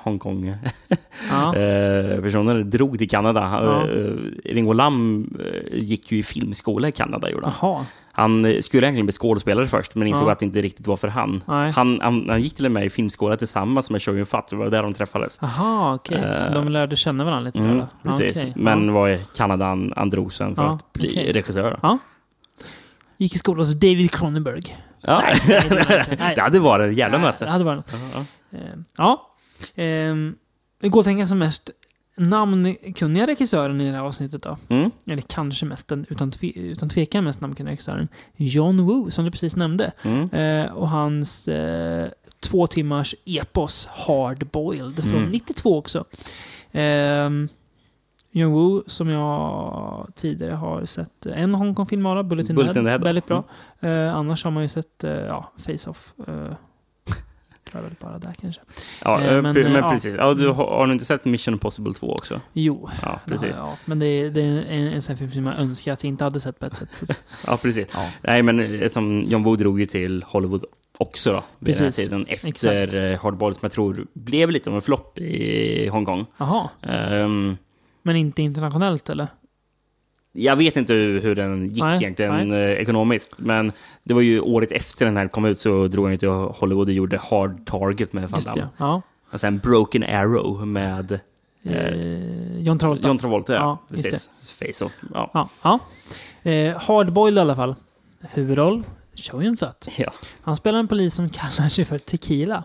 Eh, han och hans partner, de drabbar samman med ett gäng vapensmugglare i början. Eh, och det blir en shootout där hans partner skjuts ordentligt till döds. Eh, och ja, det är, alltså, den här platsen ser ut som ett jävla slagfält med de döda. Det är döda på Det är verkligen. eh, tehus de är på, va? Ja, Mm. precis. Eh, han är ju fast besluten om att få tag på de här högre upp i smugglingskedjan. då. Eh, inte bara den som mördar hans kompis, utan även de högre upp. Samtidigt som han liksom försöker få till det så pågår ett maktspel bland skurkarna också. Där en yngre förmåga, han vill ta över den här marknaden från eh, en äldre snubbe som har haft den länge. Liksom. Lite som Gudfadern. Att de yngre ska ta över. Eh, och det visar sig också att det finns en annan okänd, oväntad aktör inblandad i det här hela som får väldigt eh, stor påverkan både för skurkarna och för Tequila då. Mm. Ja, Tequila, alltså, det är ett br- Bra namn. fan bra namn på en hjälte. namn. Det är bra namn. Eh, det är någon gång eh, i filmen, rätt rätt så tidigt, då eh, Allen, då, som spelas av Tony Leung. ehm, Mm. för, för, för Allen jobbar ju som undercover-snut. Det är sjukt mycket un- undercover alltså. Ja, ver- han, verkligen. han tar undercover på allvar. Ja, precis. För han, död, han dödar ju poliser, gör ja, han. han, liksom. han går method undercover gör han. Ja. Precis. Och, eh, och, och han, han frågar inspektören, "Ha- har ni en polis som heter Vodka på styrkan? Och han bara, nej, men vi har en som heter Tequila. Så jävla bra. Han, han måste det vara. Eh, ja, det här är ju... Alltså, ja. Jäv, jävligt slickt är det på något vis. Det är väldigt välregisserat. Eh, Mm. Jung-Woo tar det här på allvar. Det är ju alltså... Våld har nog fasen aldrig sett våld så här stilis, stiliserat. Alltså, det är, alltså han tar ju bort det här... Jong-Woo tycker inte att våld ska se så hemskt ut, utan han tycker att våld ska ju se ganska coolt ut. Eh, Och det gör det ju också. Det Mm. är ju, man tänker inte på att det liksom dör folk på i tjogtals alltså. Säga vad, ska jag säga vad buddy-counten är på den här filmen? 180? 307 personer. Det är fan... Ja, det är, Det är vansinnigt. Är det. det är sjukt. Är det. Ja, ja, ja. Hade det Ja. varit en krigsfilm hade jag kunnat köpt att det var 307 personer. Ja, men det- nej, det är inte en krigsfilm. Det är bara en vansinnig actionfilm här. Det dör ju mer folk i den här än, än vad det gör i uh, Saving Private Ryan liksom. Och då, då är det Omaha Beach med ibland. Ja. Ja, nej, det, är, det är våldsamt in i bomben, men det är ju väldigt snyggt våld. Han är ju duktig på det. Det är bra koreografi. Ett ja, den som är är... helt sjuk i koreografin. Ja, ett mord som är på ett bibliotek, ett lönnmord typ, som är jävligt snyggt. Det också bara liksom hela sättet hur det, hur det går till bara. Det så, så, så, rent utfört på något vis, alltså regin. Det känns Mm. som att han är nästan sådär någon sjuklig relation till våld. i. Ja. Lite orolig för hur Ja. ser han på våld egentligen? Ja, För det, är- det är så liksom himla så här, ska man säga, nästan popförpackat på något vis. Att man, ja, Precis. våld, det är gött. Och jag fattade som att John Woo fått lite kritik så här, för att han typ glo- glorifierade gangsters. Så, så i den här filmen så eh, var det dags att glorifiera polisen. Ja, okej. Så det är därför Ja. Tequila är polis. Och så Han är en jävla superpolis han. Ja. Han, eh, han, kan, han kan slåss han. Eh, Jag, jag, jag, jag tror en av um, typ, de kinesiska titlarna, om man översätter det rakt över, är det typ Supercop eller någonting. ja, Eh, jag, jag förstår det. Eh, Alltså, det var ju så här...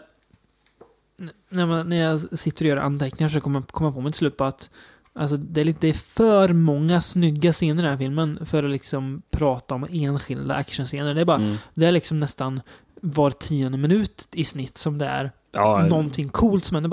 När man sitter och gapar och så händer det. Det är nästan som när man är typ så här tio år och ser Die Hard eller någonting Ja. första gången. Den känslan får jag nästan när man åh, kan man göra så här Mm. på film? Fan vad coolt. Eh, som att det här, liksom, den, den kritiska delen av hjärnan stängs av och bara ja, ja, gapar åt hur snyggt men det det, är. det är så otroligt im- imponerande. Är det. Ja, det är extremt Eh. bra koreografi alltså. I Särskilt när man kommer till sjukhuset. sjukhuset Ja. som är en Då- stor del av filmen Ja. som utspelar sig på ett sjukhus där, där kommer hur mycket gangstrar som helst som vet Ja. den här Tequila och Alan då ska samarbeta för att skjuta ner. Precis, plocka bort. Eh. Alltså alla actionscener på sjukhuset. Sammanlagt så tog det 40 dagar att spela in allt. Jag förstår det. det Eh, är, gjorde det. En scen som är jävligt cool, om man ändå ska nämna en scen, är om... eh, Det är ju en vapengömma på sjukhuset då, som de ska eh, få tag på. Och den är ju såklart i ett bårhus. Mm. Så det, som det är, eller under ett bårhus, eller hemliggång i bårhuset. Bara det är stencoolt. Men i alla fall, då ska de ta sig ur bårhuset, för de blir in, instängda där eh, av skurken då. Och då kastar de sig ut genom två sådana här, eh, ja, men, så här kistor liksom. De bara glider ut genom dem, kommer skjutandes ur dem där. Va- Varför kan man göra så här? Ja, precis. Ja, det, är, det är väldigt mycket dubbel, dubbel pickadoller i här Ja, precis. Och det är, man ser, här ser man ju, det var ju det här, här filmen som eh, spelet Max Payne byggde hela sin hela e- Ja, estetik på. Precis. Exakt Max Payne. För det är mycket här. dubbelpistol och en del slow motion också. Ja, precis, Eller här- mycket slow motion. Kassa, kassa sig i sidan och duff, duff, Precis. Duff, och man ser folk liksom, sky- flyga i Ja. slow motion. Ja, det Och är även, stencoolt. eh, det är även här Matrix har tagit allt ifrån också. Ja, gud. Eh, Ja, ja, herregud. Ja, Och så många andra ja men... har eh, inspirerats av eh, Hardboiled och de- an, de två mycket annat av John Woo också. Då, Ja, givetvis. en, Eh. en autör får man säga. Ja, det får man absolut säga att De han var. en, Eh. en o- orosartad eh, relation till våld Mm. kanske. Men eh, en, en, en till grej som måste nämnas med det här Mm. sjukhuset, Mm. det är ju eh, den scen som är bland det mest imponerande eh, man, jag faktiskt sett, om man faktiskt sätter sig ner och tänker på vad det är man kollar på. Det, det, det är så mycket i, i, i, i allting som händer på sjukhuset som är så imponerande så Mm. man kanske inte riktigt fattar det första gången man ser det. Men eh, gå in på YouTube och sök på hardboiled eh, hospital scene typ. Mm. För det finns en scen som är gjord i en enda tagning. Som är två minuter och 40 sekunder lång. Där de skjuter ner hur mycket folk som helst. För de går i, i en korridor, gör de. Ehm, och det bara kommer folk över, överallt. Liksom. Kameran vänder sig om och visar från andra sidan av korridoren. Och de, de går in i, in i flera olika rum. Liksom. Och ingen av effekterna gjordes i post-production. Till skillnad från, eh, om, om man tycker att ja, det är imponerande med Children of Men med det- den här Ja, tagningen. Liksom, så ja. här. Ingenting är gjort i post-production. Allting är squibs och sånt och eh, rökmoln och sånt som gjordes i under inspelningen. Eh, med två minuter och 40 sekunder och sen så helt plötsligt, mitt i scenen, går de in i en hiss. Och man får se att det ser ut som att de åker ner några våningar med hissen. Och sen så, eh, typ 20 sekunder senare, kommer de ut ur hissen.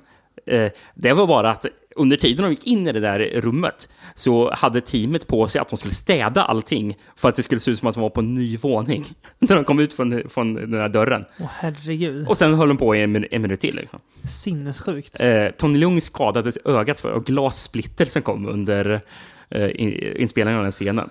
Den är så sjuk. Jag sitter bara och gapar. Ja, det är... Ja. Ja, fy fan. Ja, ja, ja. Ja, jag vet inte vad jag ska säga. Det är... Ja. Jävligt häftigt alltså. Mm. Ja, det, men eh, det... Huh. Ja. Jag ser den här filmen. Ja, det, det är, ju en sån här film som... eh, Den har inte samma liksom, emotionella punch som uh, Mount Romance har. Nej. Den är inte lika rolig som Tiger the Beat har.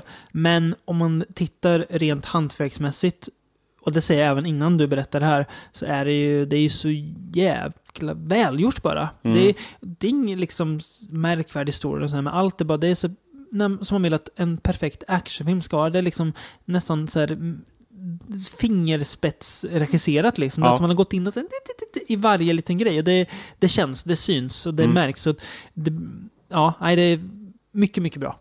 Ja, Ett- är ett... Golva det. Otroligt- Ännu mer hantverk. nu när, när du berättar om det där. Så det är jävligt coolt alltså. Ja, jag vet inte. jag vet inte vad jag ska säga mer. Jag känner så här, jaha, vad, vad, vad ska jag säga nu när du berättar det där? Ska vi liksom lägga, lägga ner podden nu eller? vad ska jag säga nu liksom? Eh, vad sägs om att vi bara rakt går över till Jesus Franco? Ja, det är väl fan lika bra. Det är ju... Ja, Pratar man spionfilm, Blood on my shoes istället? ja, 83, 82, Ja. någonting. Alltså jag vet Eh, inte hur man ska gå över nej, till vi- annars. Det, Vi kör bara. Howard motherfucking Vernon. Han spelar en professor han. Som ett heter- av sina livsroller kan vi säga. Ja, inte lika bra som... eh, Eh, Bangkok, eh, vet ni precis. Ja, någonting. Trip to Bangkok. Trip to Bangkok. Precis. Nej, det är inte, men uh, topp fem. Vernon. Han har en missilformula. Och det, jag vet att det inte heter formula på svenska, men jag tänker fan säga formula, för att de säger det i filmen. Så många gånger. Ja, och Formula. De, och de har sagt det i så många andra filmer vi har sett, så jag håller fast vid det ordet. En missilformula som eh, allt möjligt folk vill ta på. Ryssar, amerikaner och annat löst folk. Och han hålls typ fången hos en ekolog som vill skydda honom. Ja. Eh, den här ekologen, han gör filmhistoriens konstigaste uppraggning när han går in på en krog och kommer med ett huvud från en trasig så här, jultomte och sätter på det huvudet. Och då hänger de med honom hem. Eh, ja, det, det, ja, det är märkligt. Eh, Då förstår de att eh, det, han, han, han är den rätta killen här. ja, precis. Eh, men hon blir kidnappad i syfte att få reda på den här professorns hemlighet. Men det är inte så lätt, för det är ganska lurigt. Eh, eh, samtidigt är det är någon slags rörelse igång, som har dramamasker som symboler. Där Lina Romay, som verkar vara någon oskyldig skådis eller någonting. Ja, Jävligt korkad, vet Eller- inte alls. Hon, hon kallar sig för, för artist. Ja, just det. Ja, vet, det är så otydligt vad hon egentligen är. ja, hon är en ganska rolig färg faktiskt, tycker jag. Ja, jag tycker Väldigt hon är jättecharmig faktiskt. Konstigt nog. Ja, och på, på något sätt så hänger musik ihop också med professorns formula, kommer de fram till. Eh, hon börjar hänga med eh, Anthony Majan som kommer och eh, plockar upp henne. Han ser, han ser ut som, typ som Thomas Milian gör i Almost Human, fast eh, lite mer, eh, lite mindre sluskig, lite mer glidig. Ja. Alltså, Jävligt Antonio skön Anthony Majan så här. Antonio Mayans som är i fan varenda Franco-film från 80-talet. Ja, Eh, jävligt skön är han, Anthony Majan. Jag tycker om honom som fan. Det är bara att kolla upp en Franco-film från 80-talet bara. Antonio, Ja. ja. ja, Antonio Mayans som är. Ja. Jag satt och tänkte på det när, när, när jag såg den här filmen, att för varje film jag ser med Anthony Mayans så gillar jag honom mer. ja. Ja, det tänkte jag i början, men han är en jävla, jävla skojare. Men fan, jag älskar nästan Antti Majas. Alltså. Han är så jävla skön i den här filmen. Eh, det fascinerande med den här filmen, som ju man faktiskt inte kan tro, men som jag insåg när jag låg och tänkte på den. Det är inget naket i den. Jo, man får se Lina Romays bröst vid några Ja, fast tillfällen inte faktiskt. helt. Man får se dem, eh, man får se sideboob bara. Nej. va? Får man se Man, hela? får, eh, det, tänkte slinker igenom lite, gör det. Ja, men väldigt lite för att vara Ja. en Franco-film. Det är, Det ingenting det, han eh, vet den här stoltserar med. det Liksom. är ingen sleaze faktiskt. Nej. Eh, och Lina May, jag tycker det är kul att se henne göra något än att bara snuska sig och Ja, vara naken. Faktiskt. Eh, Ja, det, det, hon, hon, jag tycker hon fungerar bra, den där Hon är jävligt rolig. Ja, precis. Hon är jävligt charmig, liksom så här, lite så småkorkad brud som bara hänger med. Ja, jag, jag, jag, gör väl de här grejerna. Dialogen är ju egentligen helt obegriplig, Ja. men den är rolig. Alltså, handlingen är också så här, vad handlar den om? Jag vet inte, det är, det är någon formel det är li, lite musik och det är någon, typ folk som spionerar. Ja, det är något sånt. Och den Musiken här scenen när hon ska visa att hon kan sjunga och det. Och det är falskt det. Ja, det är mycket falskt. Det är första gången när de ska spela upp... Eh, En någon- gitarr? Ett, Nej, det- piano först Ja, då. piano Mm. först är det. Låter för jävligt. ¡Qué maravillosa fórmula! La música. Oh, aquellas noches de Valencia, las fallas, las bandas de música. Eh, sen ska de spela upp eh, att de ska spela gitarr en snubbe. Då är det midi-sampling istället och det låter Ja, också det- för jävligt. Ja men, ja, men precis. Do, mi, sol, do, sol, mi, do. Det är ju fortfarande falskt. Sen är det någon typ speldosa också som kommer sen. Också falskt. Ja.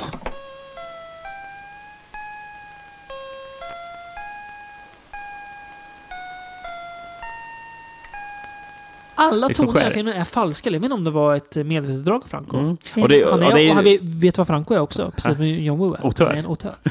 Ja, men det, är- det, det är någon scen också då Lina May är på en...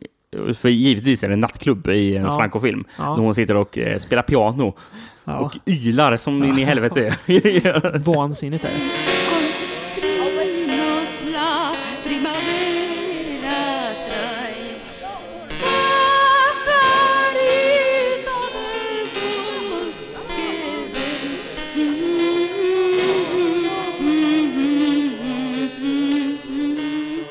Jävligt, på tal om yra, jävligt kul när, eh, när de kommer hem till, eller ja, hem och hem till Howard Vernon där i början.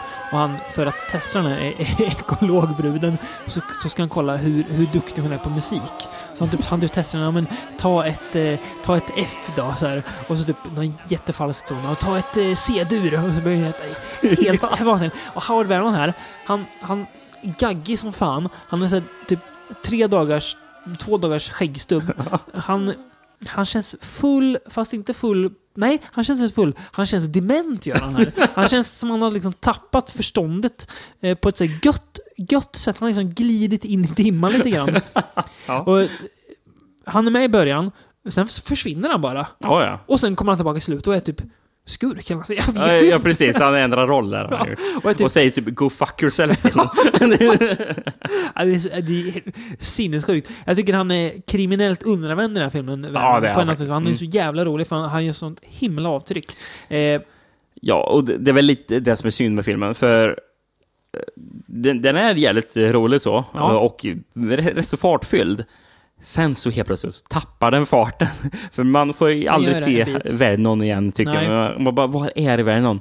Och sen så är det någonting att de ska, jag vet inte om de drar utomlands eller bara att det känns som att de drar utomlands. jag tror Mycket bara möjligt, känns som det. det är mycket möjligt för att helt plötsligt så ändrar filmen musik. eh, och det är någon slags så här, Beduin disco som jag kallar det. Ja, ja men precis. Ja, men alltså, fast det, det är inte disco heller. Nej, det, är det är bara, inte. det är bara seg beduinmusik gjord på en Casio-synt. Precis. Precis, eh, som i eh, Oasis Oasis of the Zombies.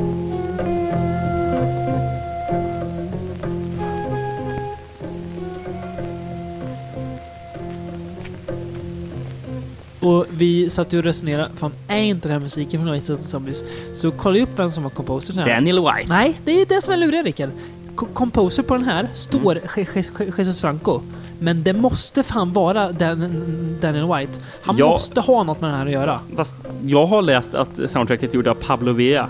Och Pablo Villa är Daniel Whites pseudonym. Ja, då så. För på IMDB stod det Jesus Franco. Men, Okej. ja, då ser jag. Ja, då är det Daniel White. Jag visste det. Jag, Det är så jävla mycket jag Daniel säga- White är det. Jag kan säga, i, i, nej, IMDB Ja. kan man rätt så ofta i alla fall lita någorlunda på. Förutom när det gäller franco Jag tror man aldrig ska lita på IMDB när det gäller Jesus Franco. Då får man lita på andra källor. Pablo Villa. Alltså, det lå- låter som en, som, som en skurk i en typ Lucky Luke-berättelse. Pablo, Pablo Villa. Ja, precis. Mm. Ja, det är- ja, men det enligt de källorna jag läser är det Daniel White som har gjort Ja, det är, Och det förvånar mig inte, för det är låter Daniel som- White. Det är, Mm. det är Daniel hundra, Jag skulle kunna sätta hundratusen kronor på att det är Daniel White som är musiken. Jag, jag tror att Daniel White har förmågan att göra världens långsammaste musik. Daniel White har ju förmågan att om det är i kombination med rätt eller fel film beroende på hur man ser det, eh, mörda ditt sinne med sin musik. Det är så mördande långsamt. Ja, det låter precis som i Ways of the Zombies och lite i Zombie, eh, Zombie Lake också, som också Mm, Danny mm. White. Kommer du ihåg den, den dagen när vi satt och såg de två på rad? Det var, liksom, det var tre timmar Danny Whites soundtrack liksom. Man, man mår ju också rätt illa när man ser att bara, produktionsbolag Eurociné. Då vet man att det kommer vara långsamt. Fast man mår också lite bra. på, något, på någon, någon sjuk del är man lite gött i Eurosen då. Mm. Ja, det, är- det är knas här. Det är superknas. Det är underhållande oftast. Den tappar kanske 20, 25, 30 minuter i filmen där det går lite på tomgång. Men sen så drar det igång igen. Mm. Och jag tycker det, det, Och det är någon slags flygplansjakt i slutet som är helt sinnes- sjukt. Och den, och, då den kvinnliga skurken kastar dynamit från ett flygplan ner mot Ja. ja. Lina Romay och Antonio Mayans. Och är sämst på aima också. Precis, och de sc- scenerna man får se att de typ, typ försöker dodga dynamiten. att de klipper till bilen, bilen står still. Och sen så gasar de typ direkt efter den där smällen här. Japp. Så att det ska se ut som att bilen håller i rullning. Nej, så, nej, det är kul. Det är, ja, men en, eh, en vi kan rekommendera om man vill ha en skön, eh, en skön eftermiddagkväll, tycker vi. En underhållande rulle.